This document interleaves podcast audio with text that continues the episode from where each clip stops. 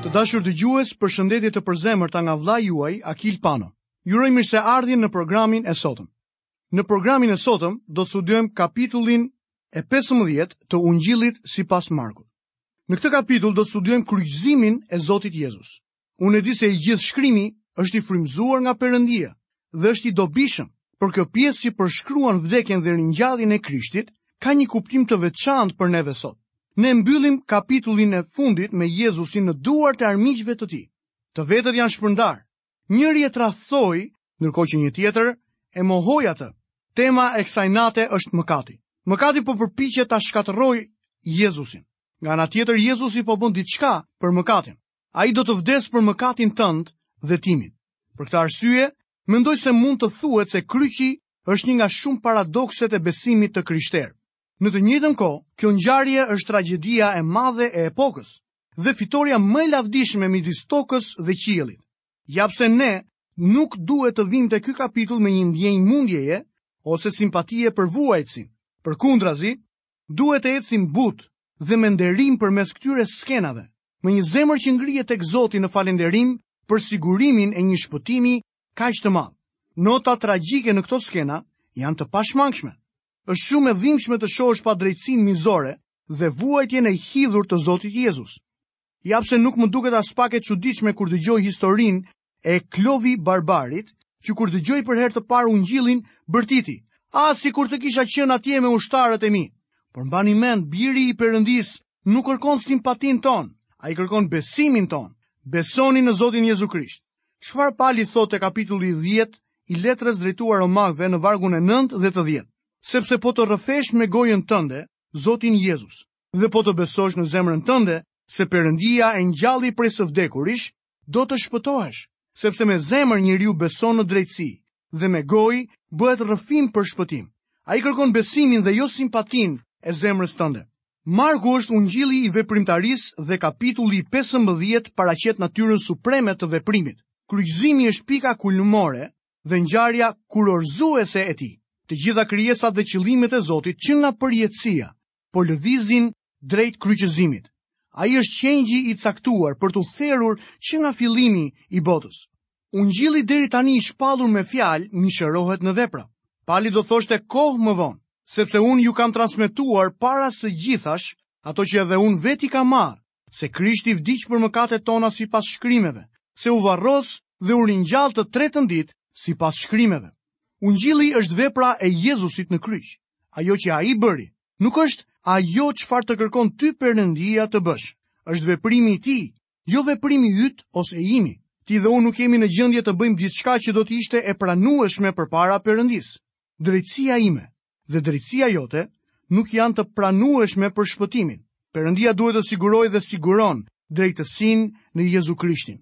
Ai u dha për shkak të fyerjeve tona dhe u ringjall për justifikimin tonë. Por le të shohim nën temat e kapitullit të 15.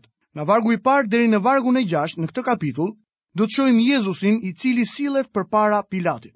Nga vargu i 7 deri në vargun e 15, do të shohim dënimin e Jezusit dhe Barabën i cili çlirohet. Nga vargu i 16 deri në vargun e 23, do të shohim Jezusin i cili vendoset një kuror me gjemba në kokë. Nga vargu i 24 deri në vargun e 41, do të shikojmë kryqëzimin e Jezusit. Dhe nga vargu i 22 deri në vargun e 47, do të shohim Jezusin i cili i dorëzohet Jozefit dhe varrimi i tij. Le të lexojmë vargun e parë në studimin ton në kapitullin e 15 të Ungjillit sipas Markut. Dhe herët në mëngjes, krerët e priftërinjve me pleqt, skribët dhe gjithë sinedri bënin këshill, e lidhën Jezusin e quan jashtë dhe ja dorëzuan Pilatit. Arsyeja ishte se edhe pse Sinedri mund ta dënonte Jezusin me vdekje, nuk mund ta zbatonte ekzekutimin. Vetëm Roma mund ta bënte këtë. Për këtë arsye, ky grup duhet i lutej gjyqit romak për ekzekutimin e dënimit me vdekje, që ata kishin vendosur mbi të. Por akuza e ngritur kundra tij tek Sinedri nuk do të ishte e vlefshme para Pilatit. Kështu që ata u takuan herët në mëngjes për të formuluar akuza, të cilat mund të qëndronin para gjyqit romak dhe do të bënin të liqëm veprimin e paliqëm dhe të fshet të një nate më parë. Pilati ishte guvernatori romak në Jeruzalemin e asaj kohë. Zyrat e tij ishin poshtë në Cezarea, sepse aty i pëlqente ai vend. Ishte në breg të detit dhe kishte një klim të këndshme. Pilati nuk i pëlqente Jeruzalemi. Ai erdhi aty vetëm për ditët e festave për të ulur ndonjë trazir. Qeveria romake nuk i lejonte trazirat, marshet dhe protestat dhe gjëra të tilla si këto. Kjo ishte edhe arsyeja pse Roma qëndroi si perandoria më e madhe botërore për rreth 1000 vjet. Mendoj se kombet në ditët e sotme duhet ta mbajnë shënim këtë. Pilati ishte një politikan i Zotit. Përshtatshmëria ishte forca motivuese në jetën e tij, më shumë se sa drejtësia romake. Në fakt kur zbuloi se Jezusi ishte i pafajshëm, kërkoi ta lironte. Por, në të vërtetë, në të njëjtën kohë, ai donte të kënaqte edhe krerët fetarë. Nëse do të vini re me kujdes, a i nuk arriti të merte nga Jezusi bashkëpunimi që shpresonte. A i mendoj që nëse Jezusi do të bashkëpunonte me të, do të mund të kënaqte krerët fetar. Pilati është shembulli tipik i një politikani të pavlerë, që nuk i një të ndjenjat fisnike të ndershmërisë dhe integritetit. A i mbante dy kunguj në nësjetull. Kërkon të kompromis me gjdo kusht dhe do të gjithmon të kënaqte të gjitha palët dhe kur vepron kështu, nuk kënaq asnjë. një. Ledzojmë vargun e dytë. Dhe Pilati e pyeti, a jeti mbreti i judenve? Dhe a i duke ju përgjigjur, i tha, ti e thua, me fjallë të tjera, po këtë drejt, unë jam. Ledzojmë vargje tre deri në vargun e gjashtë. Dhe krerët e priftërin dhe akuzonin për shumë gjera, për a i nuk përgjigje as pak. Pilati e pyeti për sëri duke thënë, nuk po përgjigje shfare, shi përsa gjera të akuzojnë. Por Jezusi nuk u përgjigj më asgjë. Ajsa Pilati mbeti i çuditur, dhe në gjdo fes ishte zakon të lëshoja atyre një i burgosur, do që ata do kërkonin. Pilati po quditej dhe shokohej se si një i burgosur që ndron para ti dhe nuk mbronte të vetë vetën. Ma merë mendja se të burgosurit e tjerë kalonin shumë ko për të mbrojtur vetë vetën, por këj burgosur ishte ndryshe. A i nuk mbrojt dhe Pilati donte të dinte arsyen përse. Nëse do të shohim në ungjilin e gjonit këtë njarje, ka një bashkë veprimi diskrerve fetar dhe Pilatit që kërkonte ta të Jezusin. Ai e mori atë mënjan për t'i folur. Pastaj doli sërish jashtë dhe u fut brenda përsëri bashkë me Jezusin duke shprehur shumë në bashkëpunimin e tij. Për më vonë Pilati zbuloi se duhet të qëndronte mbi këmbët e veta për të bërë një vendim në lidhje me Jezu Krishtin. Të njëjtën gjë duhet të bëjë çdo burrë dhe çdo grua në ditët e sotme. Pilati i zën ngusht mendoi se ndoshta mund të çlirohej nga kjo gratsk, duke liruar një të burgosur. Ky njeri nuk mund ta besonte se njerëzit do të kërkonin të lirohej një kriminal si Baraba dhe të kryqëzohej një i pafajshëm si Jezusi. Ai në të vërtetë mendonte se gjeti një zgjidhje për dilemën në të cilën e pa veten. Lexojmë nga vargu i 7. Por ishte në burg një njeri që quhej Baraba, bashkë me shokë të tjerë rebel, të cilët kishin bërë një vrasje gjatë një kryengritjeje. Baraba ishte fajtor për një vrasje si dhe për drejtimin e një kryengritjeje. A ishte i burgosuri kryesor në atë ko. A i në fakt duhet të kryzojt së bashku me të tjerë. Mendoj se Jezus ju kryzua në kryqin ku do të kryzohej baraba. Lëzëm vargun e nëndë deri në vargun e tremëdhjet. herë Pilati ju përgjigja tyre duke thënë. A donit ju liroj mbretin e judeve, sepse e dinte që krerët e priftërinve ja kishin dorëzuar nga smirë. Por krerët e priftërinve e nëzitën turmën që të kërkoj që të liron të atyre barabën. Dhe Pilati e mori për sëri fjallën dhe u tha atyre. Qfar doni? Qfar doni pra të bëjmë atë që ju e quani mbret të ju Dhe ata bërtitën për sëri. Kërë kjo zoje, këtu shojmë që pëndodhë po diçka e pa të gjuar dhe e mrekulueshme në të njëtën ko. Ishte e qartë për Pilatin që akuzat nda Jezusit ishin të reme. A i kishte një të burgosur që ishte një krimineli famshëm, kështu që bëri krasimi midis Jezusit dhe Barabës. Pilati me sigurime ndonë se njerëzit nuk do të gudzonin të kërkonin të liroj baraba dhe të kryzoj Jezusi. A i thjesht nuk mund të imaginonte që njerëzit mund të binin aqë poshtë. A i nuk mund të imaginonte faktin se sa poshtë të qonë fetarizmi. Ishte aqë i shokuar kur i kërkuan që të liron të barabën, sa që a i gjykaci pyeti popullin i shtangur se qëfar duhet të bënte me Jezusin atëherë. Lëzëm në vargun e 14. Dhe Pilati u tha atyre po që të keqe ka bërë, atëherë ata bërtitën edhe më fort. Kryqëzoje, turmat i kishin urdhëruar të kërkonin kryqëzimin e Jezusit. Këtu shojmë një turm që kërkon hakmarje.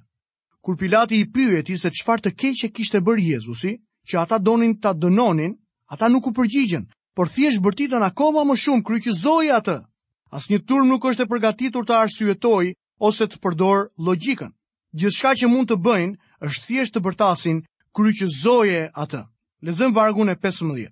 Prandaj Pilati, duke dashur ta kënaqë turmën, u alëshoi Barabën dhe mbasi e fshikulluan Jezusin u adorzoi atyre që të kryqëzoi.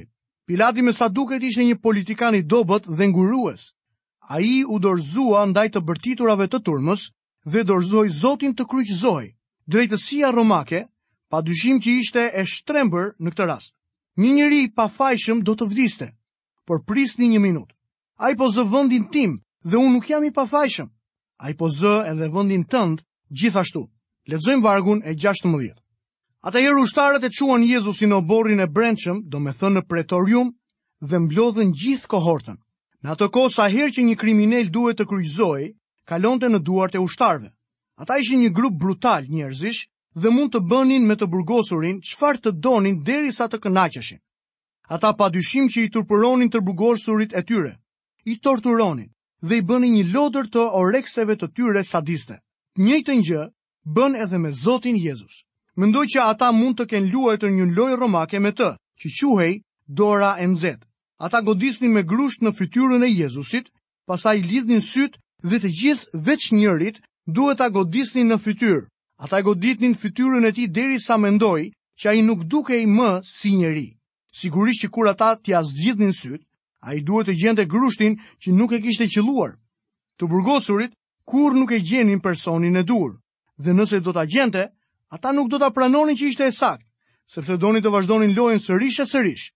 Ishte një raur vicioze dhe kjo është arsye e pse morën një bur të quajtur Simoni nga Kirenea për të mbajtur kryqin. Zoti një ishte 33 vjeç. Ai ende kishte forcën e një të riu. Jam i sigurt se ai kishte një trup muskuloz. A i kishte ecur lartë e posht ati vendi, kishte qenë marangoz. Kishte qenë një aftë të nëzirë të jashtë nga tempulli këmbyësit e parave e shumë të tjera. Me gjitha të ata që luan pa më shirë. Lëzëm vargjet 17 dhe 18. E veshën në purpur dhe si thurën një kuror me ferra, ja vunë mbi krye. Pastaj nisën ta përshëndesin duke thënë, tunë gjatjeta o mbret i judenjve. Dhe primi vendosit së robës së purpur dhe kurorës me ferra, ishte thjesht një talje. Lexojmë vargun e 19. Dhe një në krye me një kalam, e pështynin, dhe duke u gjunjëzuar për para ti e adhuronin. Kjo ishte e egrë. Koha e pakryer e foljes tregon se ata i godisnin dhe pështynin mbi të vazhdimisht. Kjo është më tepër se rejtje njerëzore. Kjo ishte brutale, mizore dhe zbulonte prishjen e zemrës së njeriu. A shihni se çfarë duroi Jezusi kur zuri vendin tënd? Kryqi është ende përpara ti. Lexojm vargun e 20 dhe të 21. Pasi e tallën, ja hoqën purpurën e veshën me rrobat e tij dhe nxorrën jashtë për ta kryqëzuar. Ata e detyruan një kalimtar, një farë Simoni nga Kirinea, që kthehej nga Ara, babai i Aleksandrit dhe i Rufit, që ta mbante kryqin e Jezusit. Pas një mëngjesi vuajtje jo njerëzore, ata e drejtuan Jezusin për te kryqi. Simoni ishte nga Kirinea në Afrikën e Veriut dhe ndoshta kishte ardhur për të festuar Pashkët në Jeruzalem. Duket që ai u zgjodh nga turma për të ndihmuar në mbajtjen e kryqit. Besohet se Jezusi e mbajti kryqin deri tek porta e qytetit. Lexojmë vargjet 22. Pastaj e çuan Jezusi në vendin të quajtur Golgota, që do të thotë vendi i kafkës. Golgota do të thotë vendi i kafkës. Fjala jonë është kalvar. Lexojmë vargun e 23. I dhan të pi verë të përzier me mirë, por ai nuk e mori. Vera e përzier me mirë ishte një lloj droge për të ndihmuar pandjeshmërinë e përvojës së hidhur dhe të tmerrshme të kryqit. Për ata që do të vdisnin, është interesant fakti se kur lindi, njerëzit e ditur i sollën mirë. Kur vdiq, përsëri i u ofrua mirë. Mirra flet për vdekjen e tij. Lexon vargu në 24. Dhe pasi e kryqzuan, i ndan rrobat e tij duke hedhur short për të ditur çfarë do t'i binte secilit. Në fakt një përkthim më i mirë këtu do të ishte pasi e kishin kryqëzuar. Asnjë nga shkruesit e ungjive nuk regjistron detaje në lidhje me kryqëzimin. Ata na japin vetëm ngjarjet rreth kryqëzimit. Shpirti i Perëndis hodhi një vel mbi të, si për të thënë: Nuk ka asgjë këtu për të kënaqur llafazanët sadist. Nuk ka asgjë këtu me të cilën mund të merret një mendje e papunë. Është kaq e tmerrshme. Ndarja e rrobave të tij ishte përmbushja e profecisë së bërë tek Psalmi 22 dhe vargu i 18. Lëzëmë poshtë vargjën 25 dhe 26. Ishte ora e tretë kër e kryqëzuan, dhe mbi shkrimi që të regon të shkakun e dënimit i cili ishte vën përmbi të, thoshte, mbreti i judenve. Në të regon se ishte ora e tretë kër e kryqëzuan, për a fërsisht ora 9 e mëngjesit. Marku përdor logaritjen hebreje për orën, dërko që gjoni përdor atë romake. Ne duhet të mbledhim të gjithë unë gjitë për të marrë një pamjet të plot të shkrimit mbi kryet e Jezusit. Gjoni nga të regonë si ishte shkruar në ebraisht, greqisht dhe latinisht. As një autor u njili nuk ka përqilin të najap të gjithë historin. Akuza për të cilën e kryqëzuan ishte kjo. Mund të duke një deklarat anormale të thuash që ishte e vërtet. Nuk ishte e vërtet në mënyrën se si e mendonin ata. A i nuk ishte drejtuar ndo një kryengritje kundra Romës. Për kundra zi, a i afroj vetën e ti Izraelit dhe u refuzua. Lezëm vargun e 27 dhe të 28 bashk me të kryzuan edhe dy vjedhës, njëri në të djathën e ti dhe tjetrin në të majtën e ti.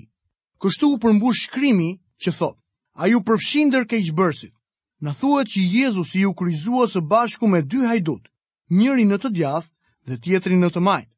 Marku në thot se kjo u bë për të përmbushur shkrimi. A i citon profetin Isaia kapitullin 53 dhe vargun e 12 dhe u përfshi midis ke Lexojm vargjet 29 deri në vargun e 31. Dhe ata që kalonin aty afër e fyenin duke tundur kokën dhe duke thënë: "Hej, ti që e shkatërron tempullin dhe rindërton në tre ditë, shpëto veten tënde dhe zbrit nga kryqi." Po ashtu edhe krerët e priftërinjve me skribët, duke e tallur, i thosh një njëri tjetrit: "Të tjerët i shpëtoj, por veten s'mund ta shpëtoj." Kjo ishte e vërtetë. Ai nuk mund të shpëtonte në të njëjtën kohë veten dhe të tjerët. Jezusi e dha veten e tij për të tjerët. Ky është principi i madh i shpengimit. Lexojm vargjet 32 deri në vargun e 34. Do të doja të vini tre se Marku na jep kryqëzimin me anë të orës. Në orën e 3 ai u vendos në kryq dhe në orën e 6 12 e drekës Ersira mbuloi vendin. Piku i kulmit të diellit u mbulua dhe Ersira zbriti poshtë te kryqi. Nga ora 6 deri në orën e 9, ora 3 pasdite, ishte errësirë. Tre orët e para ishin nga ora 9 e mëngjesit deri në 12 të drekës. Tre orët e dyta ishin nga ora 12 e drekës deri në orën 3 të pasdites. Jezusi qëndroi varu në kryq për 6 orë. Në tre orët e para kishte dritë fizike, ndërkohë që në tre orët e dyta kishte errësirë fizike. Por ndërsa në tre orët e para kishte errësirë shpirtërore, në tre orët e dyta kishte dritë shpirtërore. Pse? sepse në tre orët e para njërzit bënd të keqen e tyre. Ata e kryzuan dhe ofenduan atë, madje, edhe ata që vareshin në kryq bashk me të e ofenduan. Në fillim të dy e bën këtë, pastaj armiq që ishin poshtë po tundnin kokat dhe po talleshin me të. Në tre orët e para, njeriu po punon duke i bërë ati shumë keqë, nërko që në tre orët e fundit, shohim përëndin që po punon. Gja tre orëve të para, Jezusi po vuante nga duart e njerëzve. Ndërkohë që në 3 orët e fundit ai po vuante për njerëzit. Në 3 orët e para ai po vdiste për shkak të mëkatit, ndërsa në 3 orët e fundit Jezusi po vdiste për mëkatet e botës. Kështu pra, koha e errësirës fizike ishte në fakt drita shpirtërore dhe perëndia po punonte. Në ato 3 orët e para mëkati po bënte gjithçka që të mundte që ta shkatërronte Jezusin. Ndërkohë që në 3 orët e fundit Jezusi po ofron shpirtin e tij për mëkatin. Në 3 orët e fundit, Jezusi po paguan për mëkatet e botës. Gjatë kësaj periudhe, ai u bë mëkat për ne. Ai ishte i braktisur nga Perëndia dhe pikërisht në atë moment Perëndia ishte te Krishti për të pajtuar botën me veten e tij. Çfarë paradoksi. Lezëm vargje 36 dhe 37. Dhe disa nga të pranishmit kur e dëgjuan thoshnin, ja, a i po thërret e Atëherë një prej tyre erdhi me vrap, e zhyti një sfinxher në uthull dhe mbasi e vuri në një kalam, a dha të pi, duke thënë: "Lëreni të shohim nëse vjen Elia që ta zbres poshtë." Turma e keq kuptoi atë që tha Jezusi. Ata ndoshta menduan se ai po thërriste Elian për shkak të ngjashmërisë së fjalëve dhe than: "Le të shohim nëse vjen Elia që ta zbres poshtë." Ju abiteni se si ka mundësi që ata nuk dyshuan se ai ishte në të vërtetë Mesia. Unë besoj se ka diçka në zemrën njerëzore që duhet u thoshte dhe u tha atyre që a i ishte mesia. Ata i dhanë ati pak uthull për të shuar etjen. Kjo nuk ishte droga që i dhanë më vonë. Kjo ishte për të përmbushur profetsin e bërë në psalmin 69 dhe vargun e 21. Më dhanë për kundra zi vrerë në vend të ushqimit dhe për të mashuar etjen më dhanë për të pirë uthull. Të dashur dëgjues, Ju falenderoj që keni qëndruar së bashku me mua për gjatë minutave të programit të sotëm.